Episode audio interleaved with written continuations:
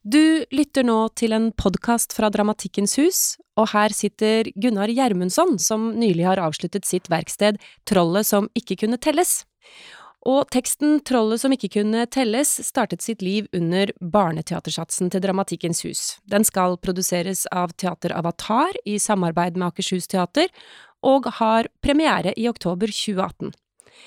Noen av betraktningene Gunnar har gjort seg underveis i prosessen med stykket, har han skrevet ned, og vil nå dele med oss. Jeg skal nå lese noen notater som er en slags logg fra en prosess. Dette er noe jeg har begynt med for første gang med dette prosjektet, fordi jeg ikke orker å se store bunker med notater støve ned og lure på hva som er inni dem. Så for hvert prosjekt jeg gjennomfører, så skal jeg ende med en logg over setninger eller tanker som jeg kan ta med inn i neste prosess. Disse notatene er delt inn i tre. De er grovsortert, kan man si. Eller er det fire jeg har delt dem inn i? Nok en tekst med et farsoppgjør. Det å bry seg om det samfunnsmessige og irritere seg over mye av det som stelles i stand, og så reagere, det er ikke ulikt slik enhver sønn må oppdra sin far. For at sønnen skal tro på at han blir sett, må far erkjenne at han har lært noe av avkommet. Så lenge knekten godtar Herrens bilde av ham som knekt, forblir han knekt. Hvis du er trollete, er du ulydig på en annen måte enn rampete. Det er mer krevende å håndtere en trollete unge enn en rampete. Trollete betyr trassig for meg, og det som leses som trass, kan være uvilje som stikker dypt. Den rampete vil bli sett og kan kureres ved å bli sett. Den trollete må undergå trollutdrivelse ved å bli kjent med sine troll og få seg et liv som fungerer sammen med trollene. Stykkets dypeste moral er at alle har sine troll, og at de ikke må temmes i hjel, så vi blir flate og uten brodd. I hvilken alder er man først i stand til å tenke dette? Barn aner slikt før de kan tenke det, og må tenke det før de kan si det.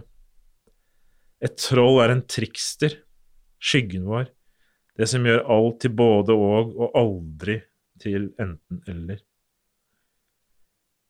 Det er forskjell på indre monolog og indre dialog. En autist kan ikke føre dialog med fiktive andre. Alle som skal sosialiseres normalt, må være i stand til det, altså i tankene og samtale med minnet om noen andre. Prestasjon skaper individualitet, innsats, et kollektiv, samhørighet. Det er gjennom innsats relasjon bygges. Innsats kan ikke måles absolutt. Alle som unnslipper absolutte mål, blir mer sjenerøse. Skolen oppdrar oss til å tenke resultat.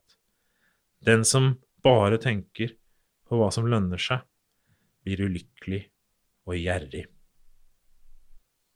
Og så er det neste bolk, som jeg har kalt eh, om skriving og forfatterskap. Livet foregår mellom formene, mellom konvensjoner. Det urene verket har større sjanse for å utsi noe vesentlig om livet, fordi livet er urent.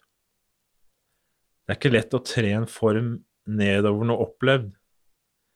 Formen kan stå i veien for det som mennesket sagt, eller er formen alltid en begrensning som beriker tvinger fram skapning. Historien er full av dramatikere som har funnet nye former, og ny form gir ny inngang til verden, som gir ny inngang til virkeligheten. Alt i et verk skal ikke kunne forklares, deri ligger sprekken hvor lyset slipper inn, hvordan mane fram taus visdom, instinktiv innsikt, hvordan forsvare denne i møte med iscenesettelsen. Kunnskap kan ikke ligge først, den må gjemmes, avlæres, legges inn i ryggraden. Det er erfaring som bringer fram det intuitive. Det er ikke snakk om overføring når jeg skriver som best, men tilblivelse, og derfor er det alltid skavanker eller ufullstendigheter i en god tekst. Et møte mellom det som kan leves, og det opplevde, mellom det naivt drømmende og det reflekterte. Alle som skriver, ønsker at teksten skal oppleves som sann, at den klinger som noe sant. For at opplevelsen av noe sant skal være tjukk nok, ha bærekraft, må den være dialektisk fortalt gjennom noe kontrapunktisk, som i sine motkrefter løfter fram noe sant, som svever over eller strømmer gjennom teksten. Jeg er opprørsk av natur. Jeg forsøker å bruke min natur. Jeg motiveres av raseri. Det er derfor jeg skriver komedier. Å skrive karakterer med et indre liv definert av plott og struktur betyr ikke at karakterene er foruten indre liv, men at dette bestemmes eller begrenses til idé og fabel. Med andre ord, det er jeg som bestemmer det indre livet. En åpen tekst kalles de med størst tolkningsrom, de får gjerne flere oppsetninger fordi teatret har mange regissører med autørtrang.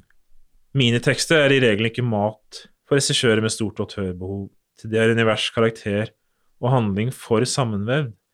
Sånn sett er jeg helt lik autørregissøren.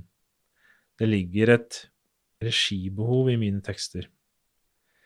Jeg har ikke lyst til å bli regissør. Mange regissører pakker inn istedenfor å pakke ut. Jeg vil bli pakket ut.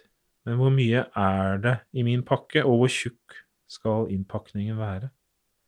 Husk å brette ut underteksten litt der du vet den ikke må overses, og gi regissøren glede av å stryke den. Så er det en ny overskrift som jeg har kalt det om dukketeaterutfordringer og muligheter. Språket kan aldri i seg selv utsi en sjel, og hvis språket treffer, så er det like mye det som ikke sies eller ligger bortenfor ordene, det vi ikke har språk til, hvor mange ord trenger et bilde? Hvis bilder sier mer enn tusen ord, og dukker lever best i bilder, får det noe å si for hvordan en scene bygges opp og utpensles? Hvor nyansert kan bildebeskrivelser være før de er tolkninger?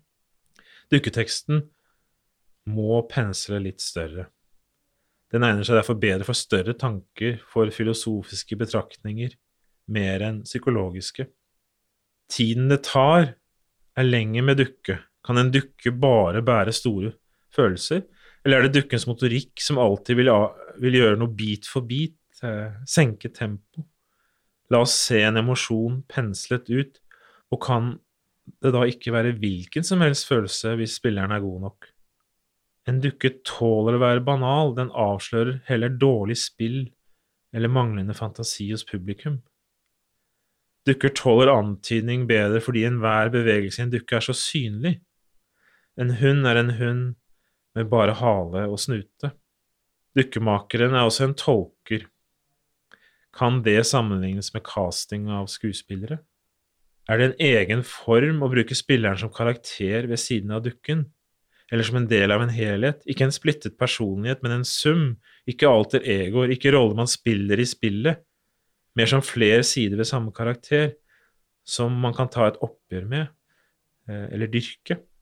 Å spille to sider av samme karakter som er et dynamisk forhold, er mer enn ensidig besjeling av noe dødt. Har en dukke en fjerde vegg?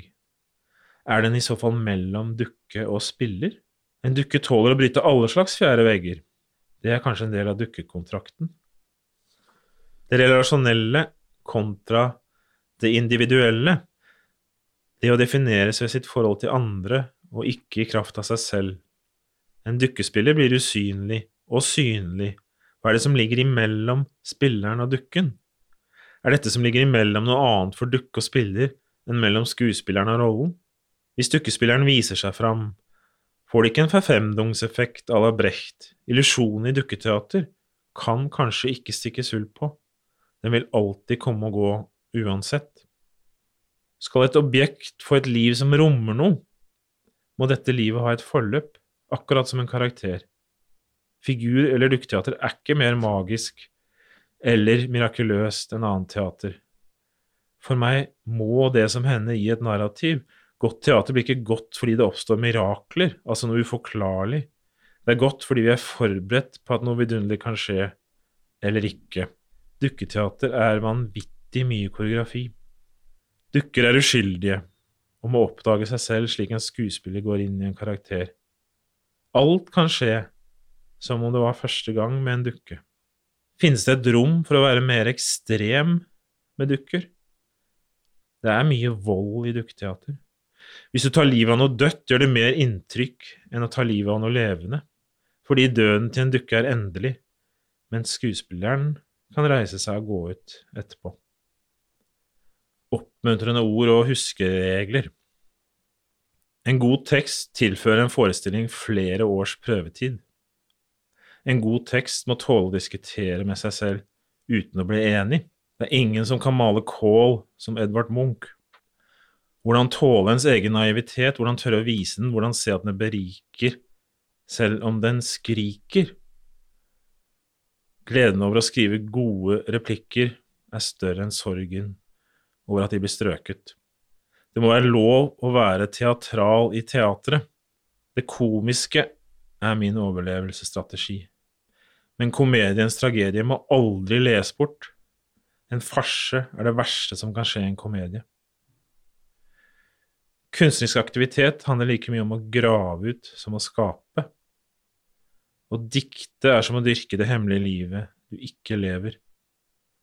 Hvis babyen ligger for lenge i badevannet, så blir den til en rosin.